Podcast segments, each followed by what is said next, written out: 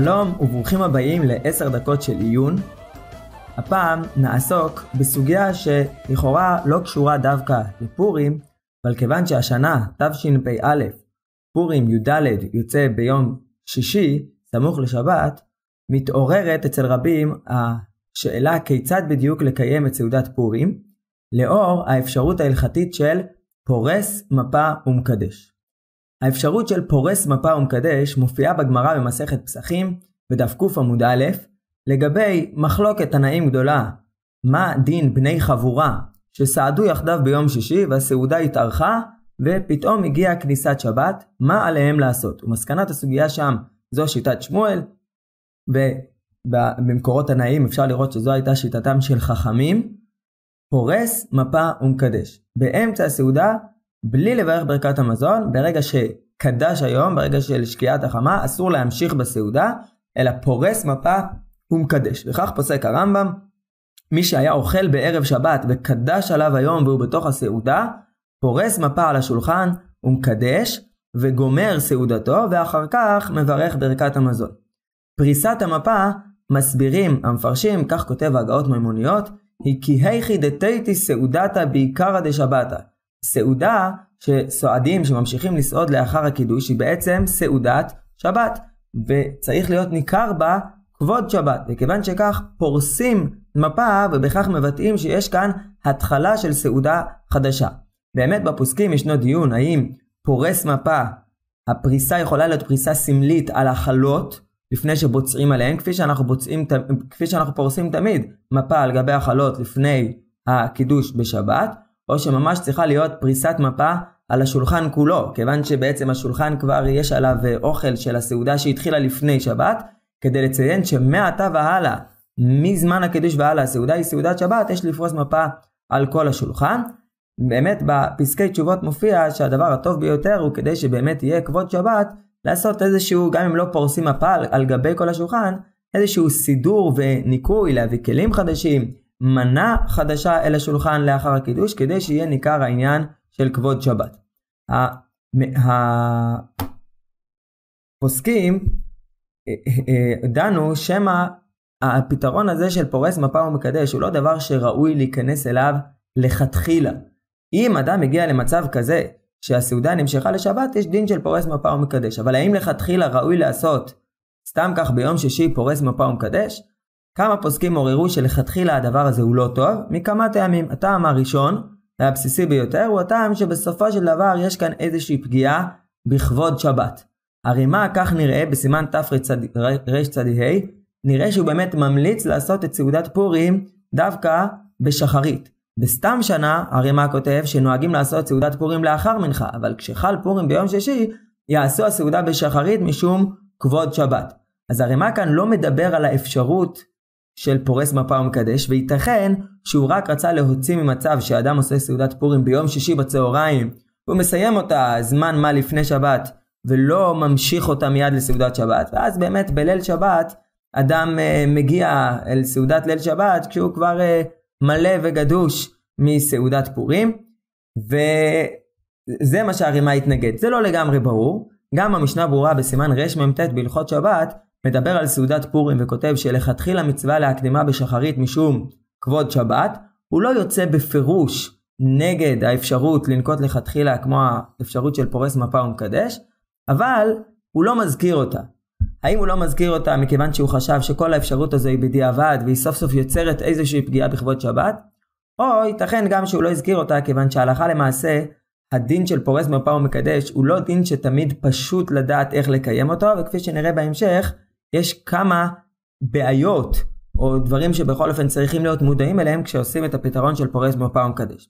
למרות ההסתייגות הזו שניתן להבין שעולה מסתימת דברי הרמ"א והמשנה ברורה שלא מזכירים את האפשרות הזו, יש כמה מקורות חשובים שמהם עולה שאכן יש מנהג מבוסס לקיים במצב כמו השנה הזו שפורים יוצא בערב שבת, לקיים את סעודת פורים עם האופן, העניין ההלכתי הזה של פורס מפה ומקדש. כך כותב המאירי במסכת פסחים שם על הסוגיה, ומכאן נהגו בפורים שחל להיות ערב שבת שממשיכים סעודה עד שיקדש היום ופורסים מפה ומקדשים. המאירי יותר בהרחבה חוזר על הדברים ממסכת כתובות, והוא אף מעיד שזה עצמו המנהג שלו ושל אבותיו. ואף אנו ואבותינו נוהגים בפורים שחל להיות ערב שבת, שמתחילים בסעודה מבעוד יום עד שיקדש היום, ופורסים מפה ומקדשים וגומרים את הסעודה. והמאירי ממשיך, הדבר הזה הזכרנו אותו בפעם הקודמת, ומזכירים בה של פורים, מטעם זה שהרי אף חמישה עשר יום נסו. והדין נותן להזכיר בה של פורים אף על, אף על פי שעבר יום ארבע עשר בשעת ברכה. זאת אומרת, למרות שהאדם מברך ברכת המזון רק בסוף, לאחר שמסתיימת סעודת שבת, זאת אומרת החלק השני של הסעודה, שהוא נחשב כסעודת שבת, עדיין מזכירים על הניסים, כיוון שסוף סוף זה יום ט"ו, ואף הוא יום נס. כך מעיד גם רבי רפאל אהרון בן שמעון בספרו נהר מצרים. רבי רפאל בן שמעון היה רבה של קהיר בתקופה שבסוף המאה ה-19, בסוף המאה ה-19, תחילת המאה ה-20. הוא מעיד שכשחל פורים בערב שבת, המנהג היפה והנעים הוא לעשות הסעודה בערב אחר תפילת המנחה, ובאמצע הסעודה פורס מפה ומקדש וחוזל ביוחר סעודת שבת, ואחר כך מברכים ברכת המזון ואומר על הניסים, אבל הטעם שבגללו אומר שאומר על הניסים שונה מהטעם של המאירי, הטעם שלשיטתו אומרים על הניסים היא שבתר התחלת הסעודה אז לינן. הולכים לפי תחילת הסעודה, כיוון שתחילת הסעודה הייתה בפורים, אומרים על הניסים, וזו מחלוקת גדולה בפוסקים, מה קורה בסעודה שעוברת מיום אחד ליום אחר, והאזכרה שצריכים להזכיר בברכת המזון משתנה במעבר הזה בין שני הימים, האם הולכים לפי ההתחלה, לפי הסוף, האם אומרים את שתי ההזכרות, בכל אופן כך פוסק רבי רפאל אהרון בן שמעון, והוא מעיד שזוהי הדרך היותר ישרה, כך עדיף לעשות, וכן הוא מנהגנו בעיר הקודש ירושלים תיבנה ותיכונן, וכן אנחנו נוהגים וכן נוהגים רבים מיראי השם וחושבי שמו. למה זוהי הדרך היותר ישרה? כנראה שמההיכרות שלו עם המציאות, לעשות סעודת פורים בזמן אחר, ייצור יותר בלגן, אולי פגיעה בכבוד שבת, אולי איזשהו חיסרון ומיעוט בשמחה של פורים, מאשר הפתרון הזה.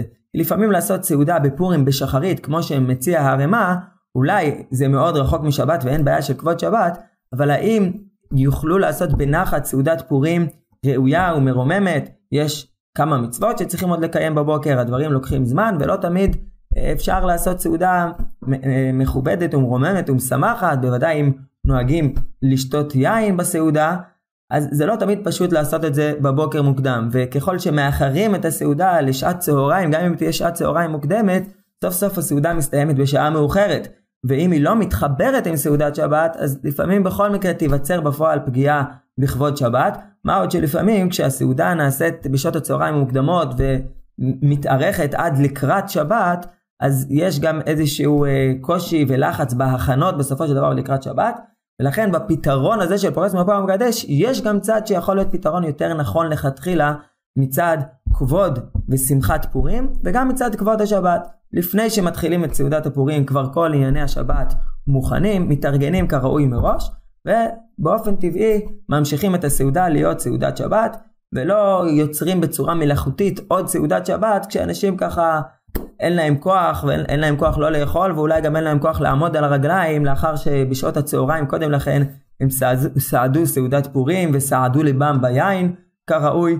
ולכן ודאי שמי שעושה חשבון ומגיע למסקנה שזו הדרך המעשית הטובה ביותר לקיים גם את סעודת פורים וגם את סעודת שבת, שצריך לשמור על כבודה ולדאוג שבאמת תיעשה בצורה ראויה ומרוממת גם החלק השני של הסעודה שלאחר הקידוש, אז בוודאי יכול לכתחילה לבחור בפתרון הזה, וכל אחד, ככה אני חושב, יכול לחשוב מה באמת אה, הדבר המתאים ביותר לו ולמשפחתו.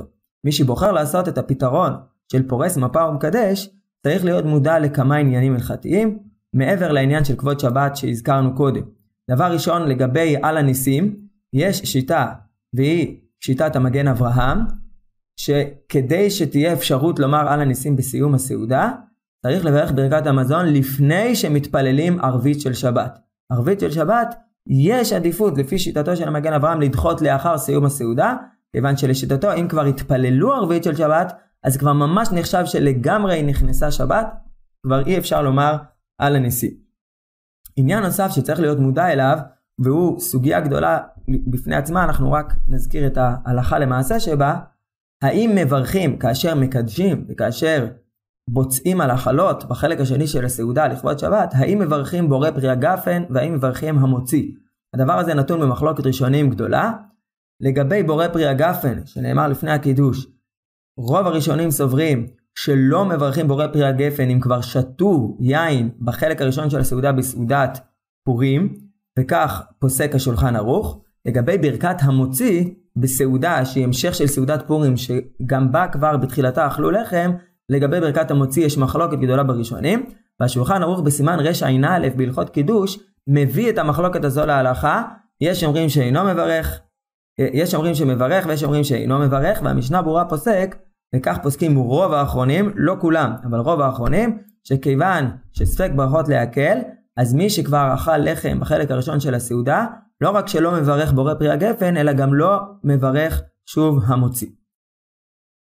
עניין אחרון שצריכים להיות מודעים אליו בעניין הזה של סעודת פורים שהופכת להיות סעודת שבת, הוא איך לקיים בדיוק את תפילת שבת. קבלת שבת אין דין של מניין, אפשר גם לעשות בבית באמצע הסעודה, אבל לגבי תפילת ערבית, מי שרוצה להתפלל ערבית במניין, מצליח לארגן אה, תפילת ערבית במניין באופן שזה יתחבר לו עם ה, אה, כל, ה, כל המהלך הזה של פורס מפה ומקדש, צריך לדעת שיש בעיה הלכתית לצאת מהבית באמצע הסעודה.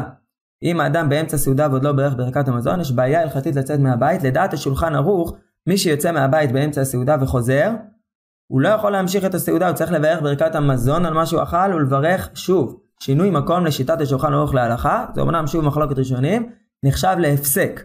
הרי מה פוסק? שסעודה שאוכלים בלחם, אם יוצאים החוצה, בדיעבד זה לא נחשב הפסק. אבל עדיין, לכתחילה גם לדעת הרימה, עדיף לא לצאת החוצה. וכיוון שזו גם מחלוקת ראשונים, אז לכתחילה ודאי יש עדיפות לא לצאת באמצע הסעודה החוצה. אמנם מבואר בשולחן ערוך שאם הניחו בני אדם, חלק מהסועדים נשארים במקום, אז בדיעבד לא צריכים לברך שוב. זאת אומרת, אם בפועל רק חלק מיושבי הסעודה יוצאים החוצה להתפלל וחלק נשארים במקומם, אז גם לפי שיטת השולחן ערוך לא צריכים לברך שוב כאשר הם חוזרים. לכן יש מקום לומר, יש עדיפות אם אפשר לעשות את התפילה במקום הסעודה ממש, או להתפלל עם סיום הסעודה, לקבוע בשעה ריאלית לאחר סיום סעודת שבת, לקבוע תפילה במניין ברחובה של עיר, איפה שאפשר להתפלל, אז יש עדיפות הלכתית לעניין הזה. נסכם, נסכם אם כן, הפתרון של פורס מפה ומקדש, פתרון שמופיע כבר בגמרא, אבל לא בהקשר של פורים, אבל יש עדויות, גם בראשונים וגם באחרונים, שנהגו הלכה למעשה את העניין הזה של פורס מפה ומקדש בפורים. הפתרון של פורס מפה ומקדש, יש איתו מורכבויות, הוא לא הכי חלק, צריך להיות מודעים למורכבויות ההלכתיות שבאות יחד איתו, אבל מי שחושב שכך ראוי לו ל- ל- לקיים בשמחה את סעודת פורים, וגם אולי אפילו דווקא סעודת שבת תהיה יותר מכובדת על ידי כך, הדבר הזה יש לו מקור ויש לו ביסוס. לכתחילה יאכל ויפרוס ויקדש ויחבר את סעודת פורים לסעודת השבת. שלום לכולם, פורים שמח.